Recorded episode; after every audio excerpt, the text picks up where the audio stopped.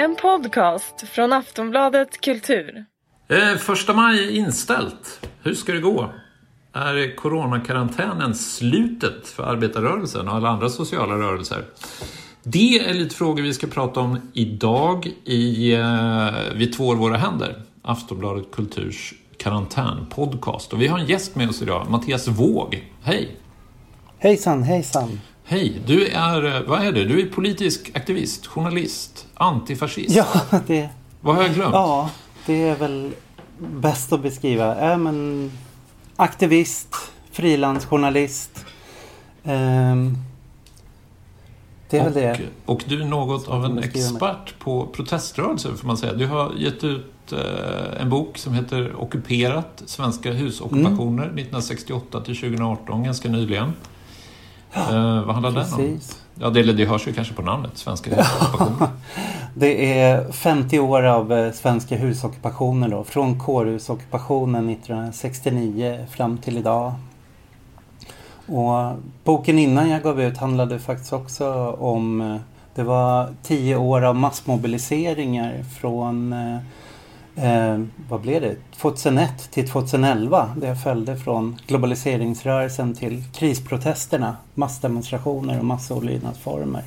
I stundens hetta heter den. Ja, Svarta block, vita overaller och osynliga partier. Om ni är nyfikna på den. Eh, vi har också med oss Karin Pettersson, kulturchef på Aftonbladet. Hallå! Hej! Du har Hej. skrivit Hej, hej. en annan bok. Eh, Internet är trasigt tillsammans Mm. med Martin Jelin. Och den handlar ju lite om hur demokratin överlever internet. Eller, Ja, inte. eller kan frodas, eller hotas. Ja, nej men det gör den. Den handlar faktiskt också en del om just huruvida de här eh, nya, eller inte alls nya, men om de sociala mediernas plattformar, hur de fungerar för organisering och om de är, på vilket sätt deras konstruktion och deras eh, struktur, vad, är det, vad de är byggda för och eh, om det är lätt att organisera sig där eller inte. Och det, det får ju väldigt stora konsekvenser just liksom hur vår offentlighet är konstruerad för både kommunikation men också för aktivism och eh, eh, demokratirörelser om de ska kunna nå framgång eller inte. Det, det kan, häng, hänger ihop på det sättet med Yes. det Mattias har skrivit om. Ja, verkligen. Martin Ord heter jag. Jag är före detta twittrare, bara så ni vet. Eh, Berätta mer Martin. Imorgon, första maj, demonstrationerna i hela världen är, är inställda. Det har väl inte hänt sedan eh, Nazitysklands dagar? Eller har ni koll på detta? Det här är ju unikt. Nej, inte så, inte så globalt. Det har nog aldrig inträffat. Och hur, vad händer istället? Vad gör nu alla politiska partier, eh, sociala rörelser istället? Eh, det skulle vara något digitalt demonstrationståg i World of Warcraft såg jag. Jo, och redan en motdemonstration utannonserad verkar det som. Kom, innebär det här att det blir våld? Kommer det att bli liksom kravaller i World of Warcraft imorgon? Ja, MUF har väl hotat att angripa den. Men jag tror att det är så att man måste slå på ett krigsläge, war mode, för att det ska bli sammanstötningar. Så annars skulle kan det något vill till där. Det finns de som är lite sugna på det här. Ja, annars hade Jonas Sjöstedt fått svinga sina dubbelyxor där för att skydda sig mot MUF-hordarna som hade kommit. Det svarta muffblocket. Men är det någon, har ni lagt märke till någon, eh, något evenemang digitalt som, som kan, kan fånga upp eh, folk imorgon tror ni och liksom engagera människor? Eh, Förutom det här World of Warcraft-slagsmålet. Säger du Mattias, du har säkert bättre koll på Ja. olika saker som nu sker. Jag har lite koll, men du, jag tror du har bättre. Ja, nej, men det spännande är, väl att se lite vad folk har försökt göra utanför nätet. Men på nätet så Vänsterpartiet de kör väl på Zoom och jag tror Socialdemokraterna ska ju spela in sina tal och sända. Och nu fick jag höra att eh, det här är ju spelar in dagen innan första maj att nu redan framför La Mano står LO och blåsorkestern och sånt och videoinspelar hela La Mano-manifestationen där. Så. Så det pågår, pågår just nu. Eh, men eh, det jag och mina vänner håller på med det är kring den här lokalen Cyklopen. Att vi ska göra en radio från tidig morgon till sen kväll där det är hundra olika deltagare då. Poeter, DJs och band och tal blandat. Så det är väl det vi provar med att sända live-radio för att ge lite den här gemensamhetskänslan. Så här, att... Varför valde ni den formen då? Ja, det var, det var så svårt att... Just det här med formen att ha en demonstration på Zoom eller något så känns väldigt... Det, det, skapar inte alls den, den gemensamheten på samma sätt. Även om det kan säkert vara peppande att vara många och se det samtidigt. Men vi, vi tänkte med, med radion i alla fall, det går att bygga en annan närhet och man kan också rapportera från lite platser där man brukar gå på demonstrationerna. Att folk brukar gå till Cyklopen på första maj. Man kan säga nu är vi på La Man och nu är vi på Stortorget och sen så blanda med musikuppträdanden. Så det kommer även sändas på en del platser med högtalare där demonstrationerna har, har varit. Så en del små torg och kaféer. Så. Och Cyklopen, för de som inte känner till är ju, vad ska man säga, något av ett hem för, för aktivister. En, en punkrockcentral inte minst. Mm. Känd konsert. Självbyggt kulturhus. Det som händer när man inte kan ockupera, man får bygga det själv. mm. Det är väldigt tjusigt. Men eh, första maj nu när det stoppas, vad, hur ska man eh, hantera det? Hur ska man liksom relatera till det? Ska man vara orolig? Ska man vara liksom nyfiken på, på vad som händer istället? Är det, är det bra? Eh, alltså, eller är det entydigt dåligt eller kan det hända något nytt? Jag tycker att det känns eh, tufft måste jag säga. Om man tittar på första maj, absolut, men också om man tittar framåt. Eh, jag tänker på det liksom brottet som nu skedde i, eh, i och med Corona. Eh, om man jämför med den vad som hände i höstas med till exempel Fridays for Future, en, en ung generation som um, gick ut i massprotester uh, för klimatet. Uh, och det var, fanns ju en kraft i det och en energi och jag tror en liksom, politisk re relevans. Och, och nu så är det svårt att se också ja, under närmaste tiden, under ganska lång tid framåt, att människor ska kunna samlas eh, i mängd på det sättet överhuvudtaget. Och jag tror ju tyvärr att, eller ja, om man tittar på de plattformar som finns idag där människor är eh, på nätet, om man tittar på Facebook eller Youtube eller Twitter, de passar inte så bra för, eh, de verkar inte passa så bra för långsiktig organisering, för, att, för kravställande.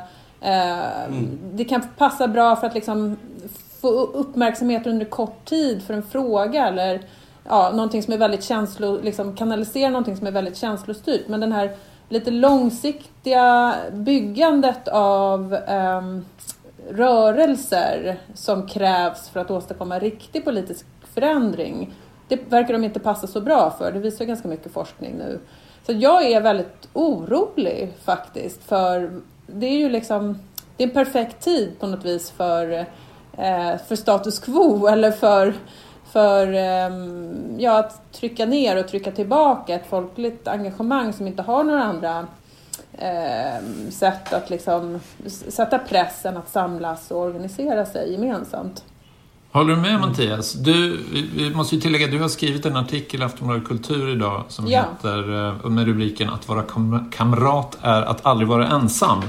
Mm. Och den handlar ju om det här problemet. Ja, jag delar definitivt jag delar definitivt den bilden Karin ger. Och jag, jag tror ju jag tror det är ganska bra att dra paralleller till, till fotboll eller till eh, konserter, att, till musik eller klubbscenen. Att det är så viktigt den här kollektiva dimensionen att fysiskt komma samman för att eh, bli en del av någonting och bekänna sig som en del av någonting och också uppleva det här att man inte är ensam, att man är, är tillsammans. Jag tror, tror demonstrationerna är rätt bärande för det här. Och inte bara demonstrationerna utan även inte kunna ha massmöten eller ha ABF-seminarier eller just det här komma samman. Och du får inte samma upplevelse av det på nätet jag skämtade med hon när jag skrev den här ockupationsboken om. Vi sa så här, men kommer nästa bok få heta då 50 år av Zoom-möten? Vem kommer då känna att ett Zoom-möte förändrade dem lika mycket som ett så stort kollektivt fysiskt möte? Som har gått på en demonstration eller deltagit i en ockupation. Det kommer inte ske. Eh, så. Jag har ju för sig länge försökt propagera för tanken att liksom, eh, internet var ju vår tids eh, Woodstock-festival i början. Alltså när, när internet kom. Det var där kaoset fanns. Det var där drogerna gick att beställa. Det, det fanns gratis musik. Kan tipsa om Darknet, Martin. Vad sa du? Jag kan tipsa om Darknet. Dark. Nej, men det, det, fanns ju den, ändå den otroliga entusiasmen kring internet i början. Att här, kan liksom, här är verklig förändring möjligt. Eh, och så är det ju inte nu för tiden. Nej, nej, men så är det inte nu för tiden och jag tror att man måste förstå om man ska sätta in det här i ett, liksom ett sammanhang. Jag håller med dig att, jag menar, idén om internet och om man tittar på de här internet, liksom, pionjärerna och tänkarna och liksom flummiga utopisterna så handlade det ju om att bygga ett slags nätverk av noder eh, där människor ska koppla ihop sig med varandra på nya sätt, eh, skapa platser för kreativitet, nya möten skulle uppstå. Det var också en, en idé om det liksom icke-kommersiella. Eh, där man såg den fysiska verkligheten som genomkommersialiserad. Men det här var en plats mm. där eh, inte liksom marknadsekonomins lagar skulle råda. Men sen det som har skett de senaste 20 åren är ju att eh, det har blivit, nätet är ju dominerat av det är inte ett torg utan det är en galleria, ett shoppingcenter där några få stora spelare bestämmer och där hela infrastrukturen är byggd utifrån att liksom sälja annonser och tjäna pengar. Det finns inte så mycket fria, icke-kommersiella platser. Och en galleria med väldigt mycket övervakningskameror. En galleria med väldigt mycket övervakningskameror där alla våra rörelser liksom, um, övervakas och hela, hela strukturen handlar om att liksom suga ut data och omvandla till cash till Facebook och och Amazon och, och sälja saker helt enkelt. Eh, Vi är produkten och någon annan tjänar pengar. Och det, det där det går inte så bra ihop med ehm, eh, organisering. Och det, jag tycker det är intressant för det, nu verkar det finnas ganska också forskning på att, um, att eh, just um, det har funnits liksom en idé om att om tillräckligt många människor i ett samhälle, man brukar prata om en 3-4 procent i ett samhälle säger att de vill ha en viss typ av förändring så blir det så. Det är som en slags sociologisk naturlag. Men den, den lagen verkar inte gälla längre för att engagemanget som det är så tunt på Facebook. Alltså att trycka på en like-knapp eller gå med i ett event det är liksom ingenting. Eh, och det finns inte riktigt bra former för just den liksom djupare organiseringen, den långsiktiga organiseringen som handlar om att formulera krav, att formulera liksom strategier.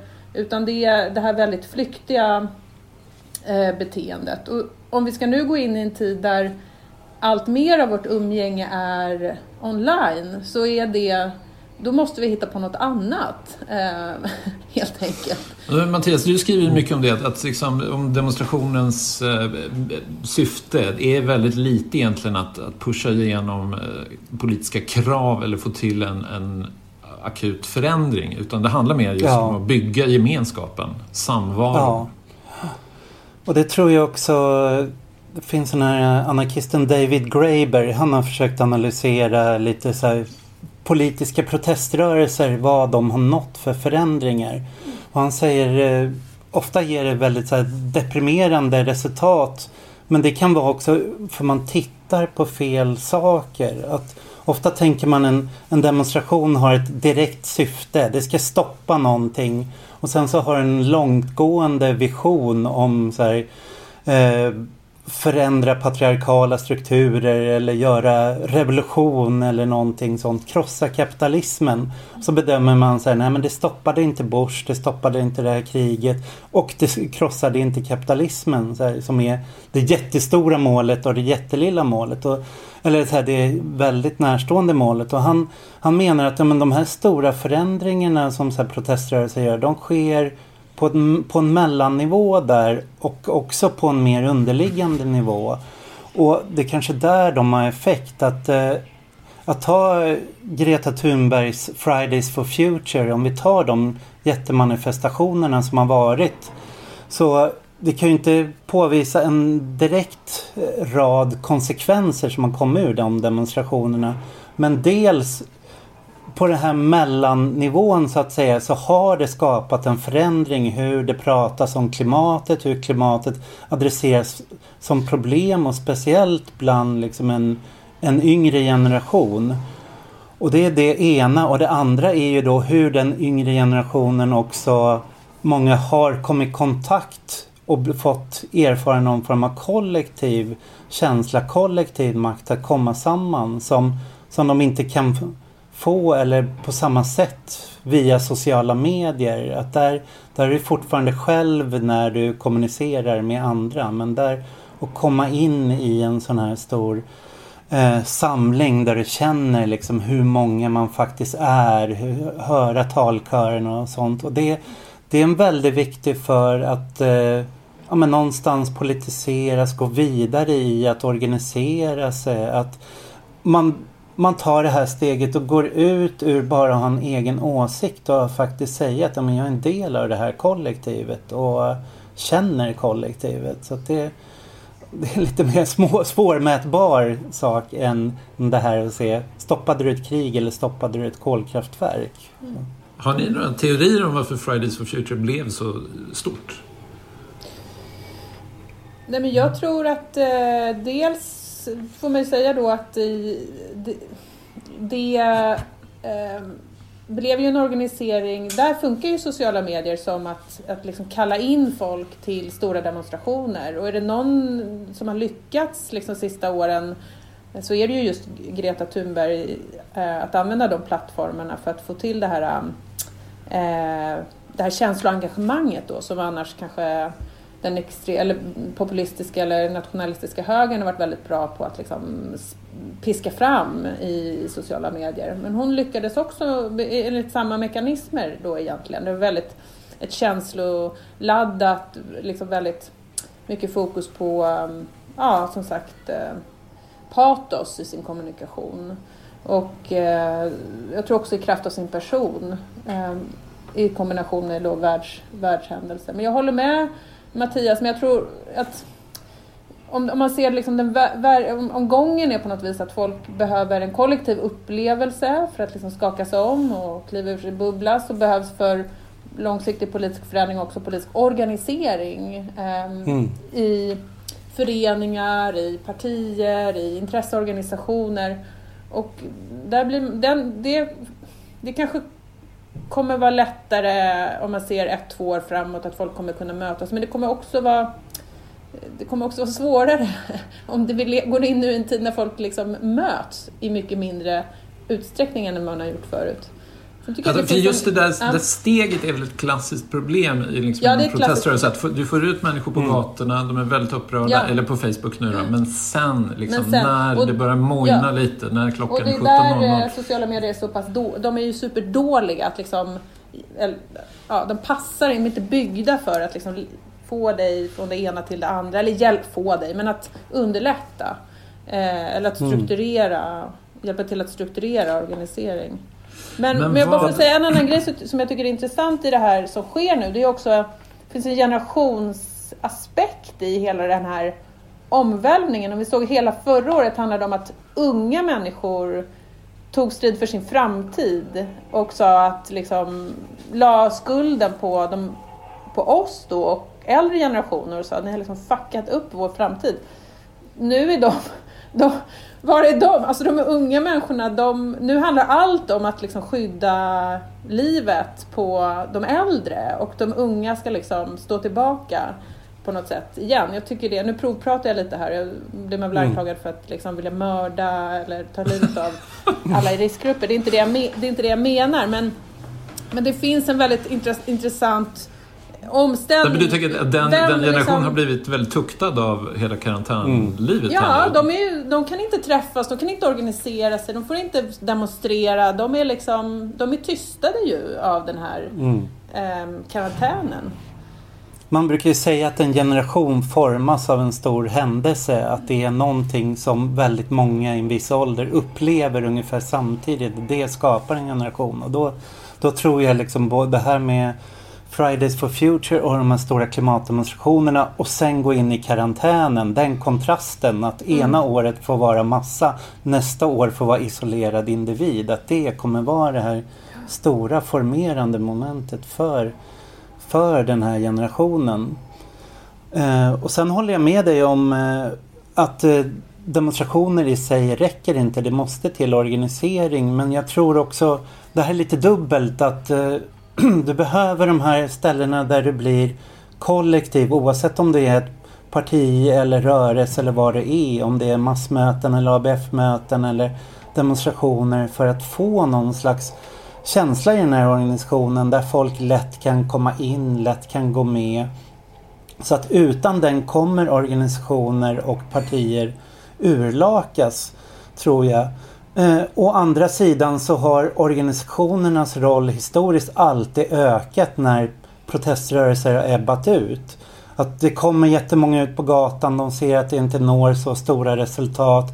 Folk börjar gå hem och i det ögonblicket så blir organisationen väldigt viktig för att föra den här kraften vidare och organisationsmedlemskapet, att vara kamrat, att känna att det jag gör är en del av någonting större. Där ökar organisationernas betydelse. Så att just nu när vi inte kan träffas, när vi inte kan ha fysiska möten, då, då tror jag organisationerna är det som kan vara kvar, som kan ge den kollektiviteten. Det är inte Zoom och det är inte sociala medier utan det är, det är nästan medlemskap i någonting som, som kan fylla det vakuumet. Så antingen det eller verkligen mikrogemenskaper på ett lokalt plan. Och liksom de, de, de två nivåerna just nu.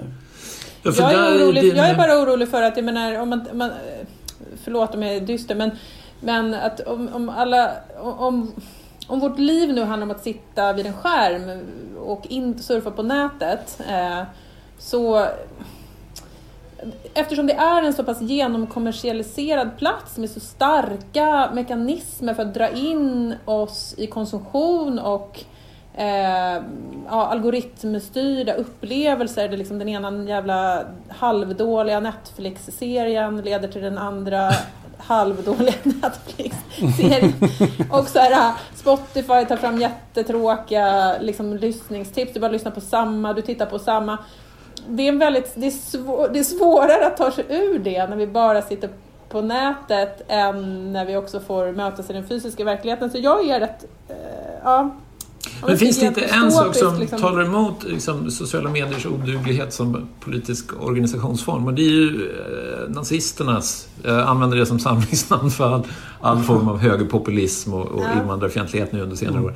Eh, deras framgångar, de har ju Det är därför byggt... du inte är på Twitter längre Martin. Det är därför jag inte är på Twitter. De kastade ut mig. Eh, nej men helt enkelt, alltså, högerpopulismen har ju faktiskt mobiliserat människor via sociala medier och ser det ut som utifrån byggt gemenskaper, Facebookgrupper där människor trivs, har kul, byter kakrecept och, och hatar invandrare tillsammans. Eh, stämmer det? Eller är det, liksom, är det en illusion av, av högerpopulismens framgångar? Att de faktiskt ja. har lyckats utnyttja sociala medier? Både, både ja och nej liksom. För att det, jag har ju skrivit mycket om eh, extremhögern och Sverigedemokraterna. Och jag är alltid förvånats över att Sverigedemokraterna har ju ingen riktig folkrörelse ute på gatorna eller folkrörelse där folk träffas, gör saker. De har en festival och sen har de en jädra massa Facebookgrupper.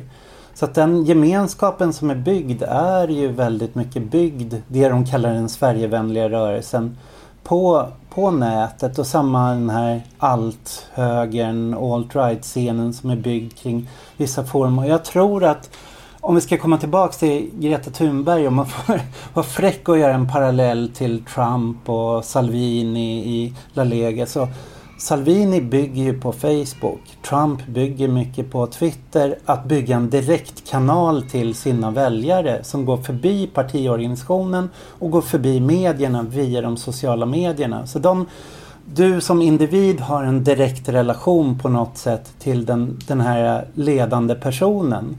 Och om man tar Salvini till exempel Lega Nord. Lega Nord var ju en folkrörelse. De hade kulturfestivaler, demonstrationer. Du kunde leva ditt liv i Lega Nord. Som Men italienska Sal- fascister alltid haft. Inte de Ja, som de alltid haft. Men, men däremot Salvinis när han har gjort om hela partiet nu så att det heter La Lega per Salvini och har starkare stöd i södra Italien istället så, så är det en... Ett, du kan inte vara med på något annat sätt än att följa hans dagliga Facebook-videos. Det är så du är med i La Lega och jag tror Greta Thunberg lyckades ju någonstans kombinera det där att vara Alltså hela rörelsen bygger ju också på samma sätt där med Greta Thunbergs direktkommunikation via Facebook, Twitter, alla sociala medier. Hur hon går ut med dagliga utspel.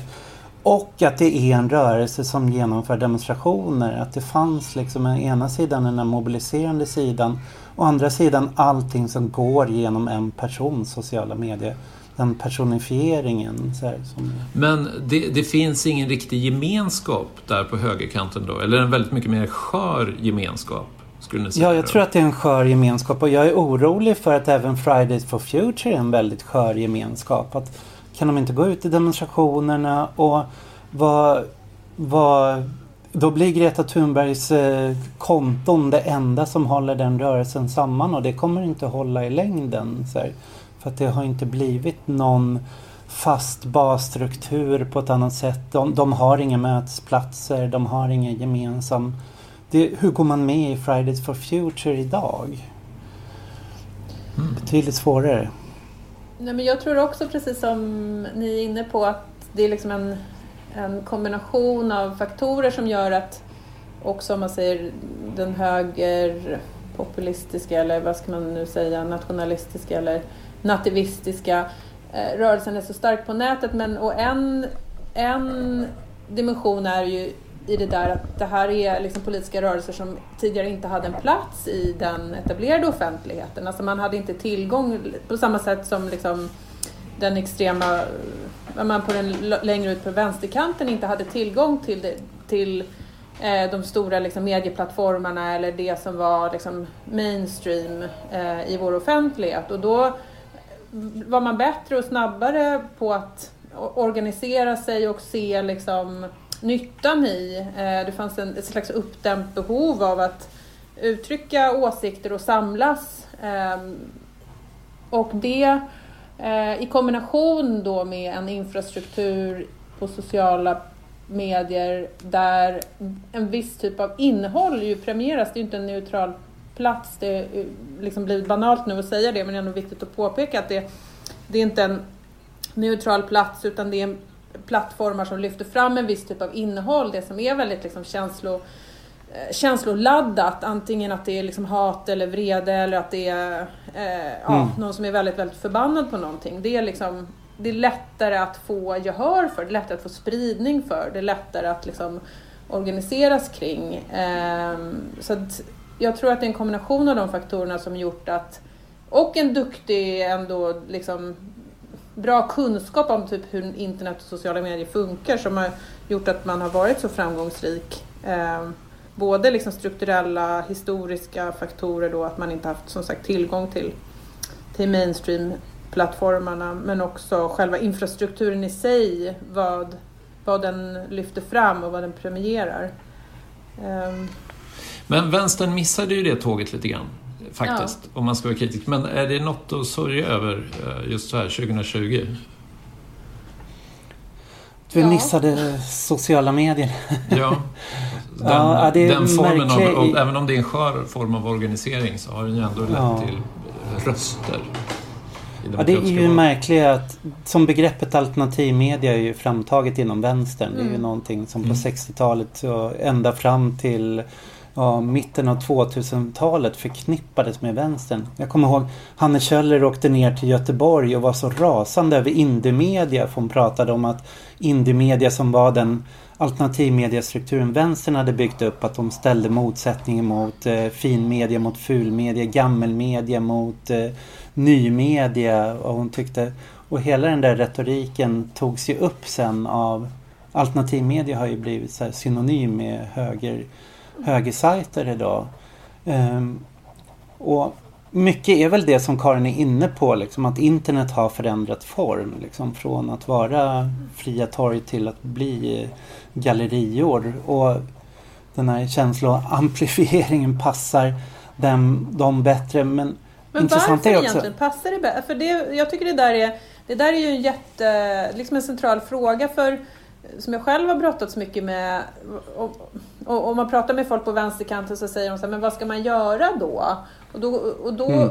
och då är ju liksom ett svar är ju så här, ja då måste man vara lika förbannad och lika liksom konspiratorisk och lika eh, då, det finns ingenting som säger i sig som säger att liksom höger nationalisters Nej. budskap passar bättre på, eh, i sociala medier. Utan det handlar ju om som sagt ett uttryck och ett innehåll. Men vill man gå den mm. vägen? Det är ju frågan. Vill du mm. liksom ge dig i lag Men... med liksom en konspiratorisk miljö? Med en, vill, du gå, liksom, vill du gå på vrede och hat?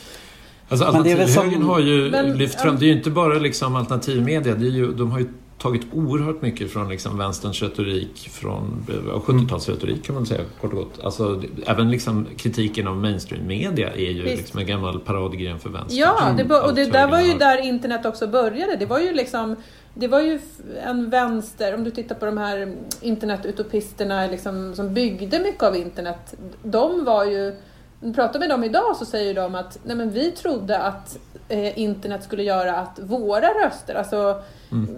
den vänsterkritisk, vänsterkritiken av den stora medie, de stora mediemonopolen, att det var vi som skulle liksom få höras mm. äntligen.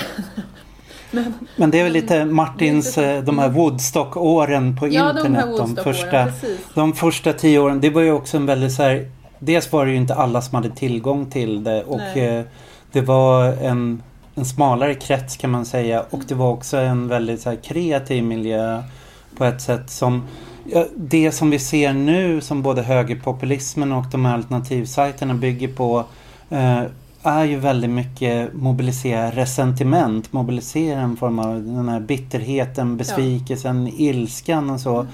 Jag tror att det är betydligt svårare att bygga någonting på det. Och det är intressant under till exempel globaliseringsrörelsen så hade man ju väldigt starka kommunikationsstrukturer på internet som gjorde de här Seattle och Göteborgstoppmötesdemonstrationerna möjliga. Och där var ju också IT-bommen sprack och det fanns en massa IT-folk som blev arbetslösa och gick ut och byggde de här strukturerna för de var permitterade. Och jag är lite så nyfiken vad som kommer ske nu av alla de som permitteras nu som inte kommer sitta längre i de här äh, giganternas liksom anställda av dem utan bara bubbla av kreativitet. Men, är, nej, men jag tror att du har fel Mattias, för jag tror att det, det där är de enda företagen som går bra nu. Jag menar, jo, jo visserligen så, så är det ju. Men, liksom, men vadå, det... Amazon och Facebook, det är de ja. enda som anställer. De kommer bara suga upp. Jag tror tvärtom. Det kommer bli liksom en enorm eh, kraften i de här, förlåt, i de här jävla eh, mm. ja, halvmonopolisternas dominans kommer bara öka tyvärr. Men inte, jo, jo, inte IT-klassen också ganska höger? Alltså det är en ekonomiskt framgångsrik klass som eh, nu liksom kräver allt mer kulturellt utrymme och nu vill ha liksom politiskt inflytande.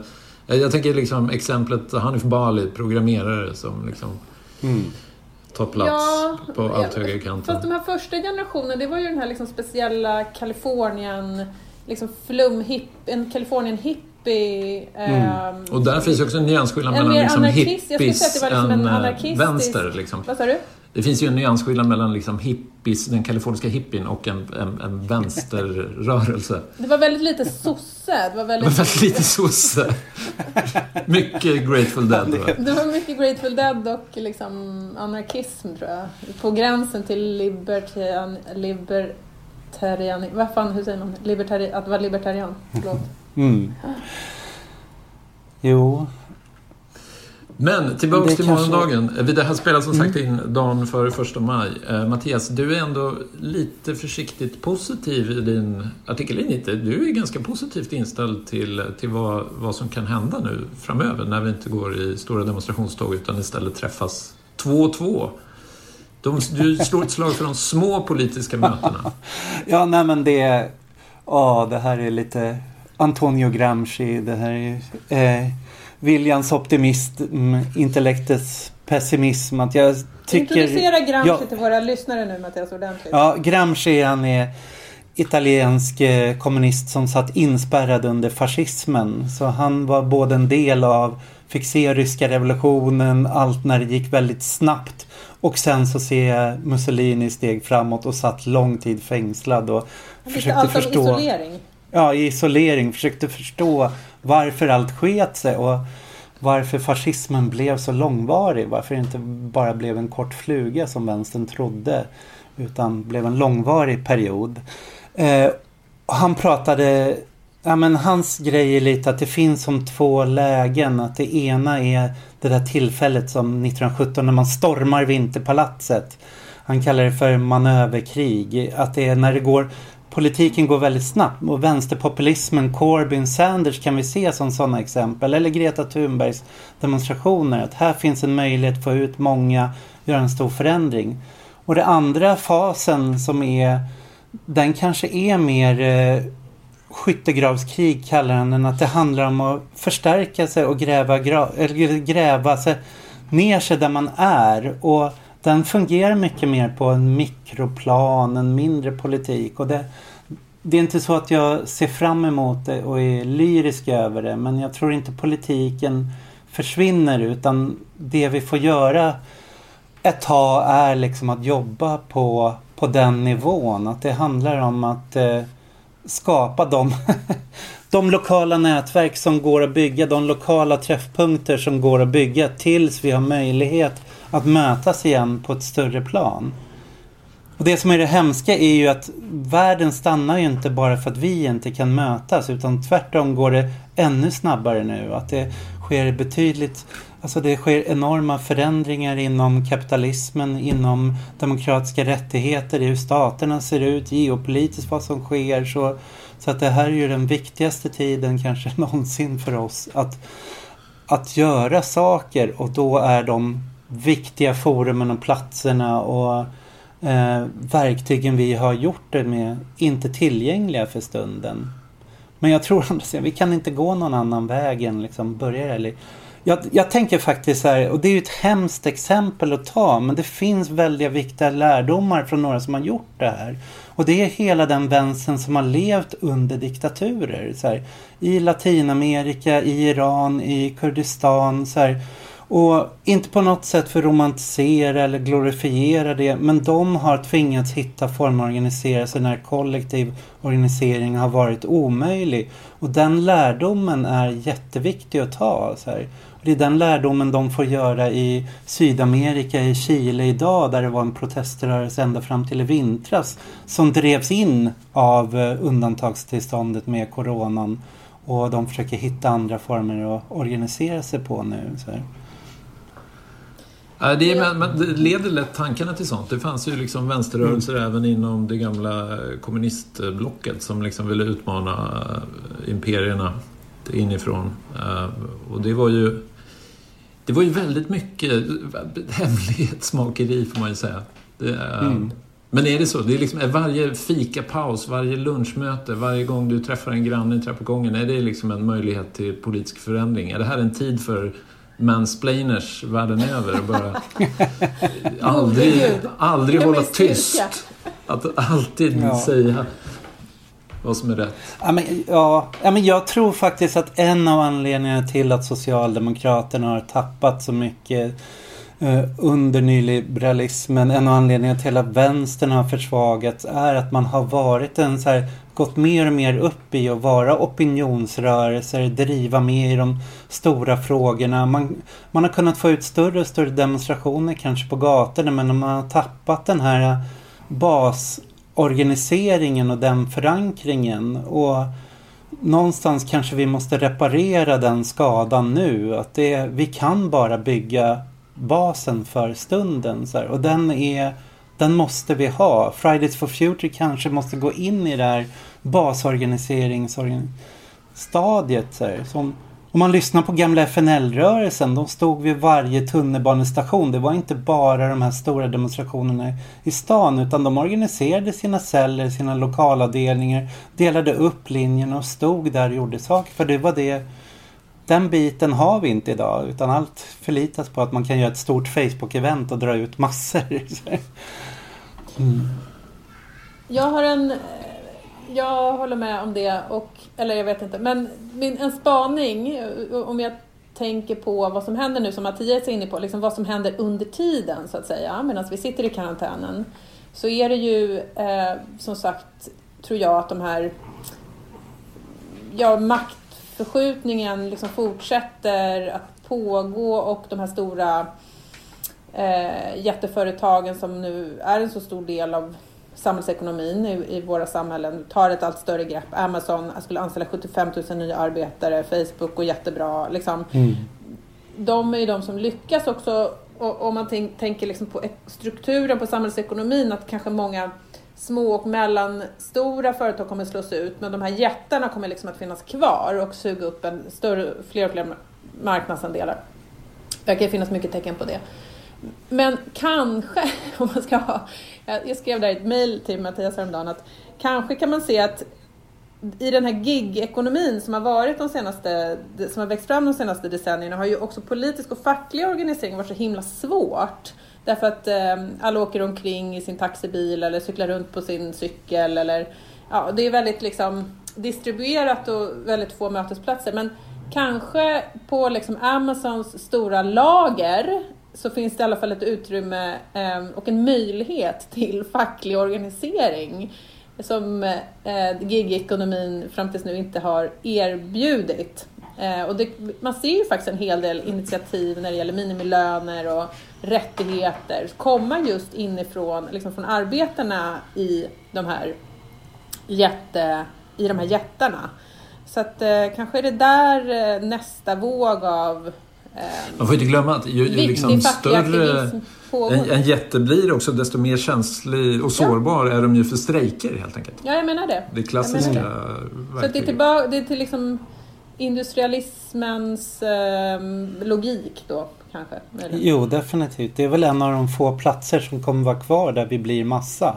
Ja. Det är ju som tillbaks till det Marx drömde om att det är genom att föra samman på fabrikerna så blir arbetarklassen svetsas samman som klass och blir det, ja, man formas att, som en fabriksarmé på det sättet. Så. Ja, och det, fram tills att alla ersätts med robotar men sen... Ja. ja. Eller förvandlas till robotar som eh, Mikael Nyberg skrivit om. ja. ja, just det. Hörni, nu sätter vi punkt. Uh, mm. Klockan har gått. Hur, vad, vad, ska ni göra imorgon? Första maj är imorgon. Ska deklarera. Jag kommer sitta här hemma isolerad ja. i karantän och lajka saker på Facebook. Så sorgligt är det. Jag ska, jag ska vara, hänga med mina barn. Det är också en, eh, en viktig del i det goda livet. Mm. Mattias, du ska, vara, du ska direkt sända. Jag får lyssna in. Ja, jag ska direkt din... sända. Vi ska livesända radio hela dagen. och var det... hittar man Cyklopens eh, livesändning? Då, då finns det på cyklopen.se eller så kan man... Eh, vi har gjort en app också som heter Radio Norden. Radio Norden! Norden höll jag på att säga. Reklam för någon fientlig kanal.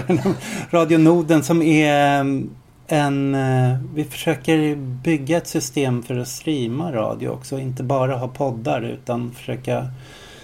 Poddar i all ära men de lyssnar man på individuellt. Men en stream går lite mer att skapa någon kollektiv känsla kring och lyssna på. Helt sant. En app mm. alltså? Radio Noden? Ja, en, Radionoden är en app. Och Radiocyklopen där. Eller på cyklopen.se kommer radion finnas också online. Då. Ja, och Mattias text om eh, massrörelser i en tid då man inte kan ha massrörelser finns på Aftonbladet Kultur. Eh, tack ska ni ha, Karin Pettersson och Mattias Wåg. Tack. Mm. Tack så mycket. Ha det bra. Glad första maj. Ja, samma. Detsamma. When you're ready to pop the question, the last thing you want to do is second guess the ring. At Bluenile.com you can design a one-of-a-kind ring with the ease and convenience of shopping online. Choose your diamond and setting. When you find the one, you'll get it delivered right to your door. Go to Bluenile.com and use promo code LISTEN to get $50 off your purchase of $500 or more. That's code LISTEN at Bluenile.com for $50 off your purchase. Bluenile.com code LISTEN.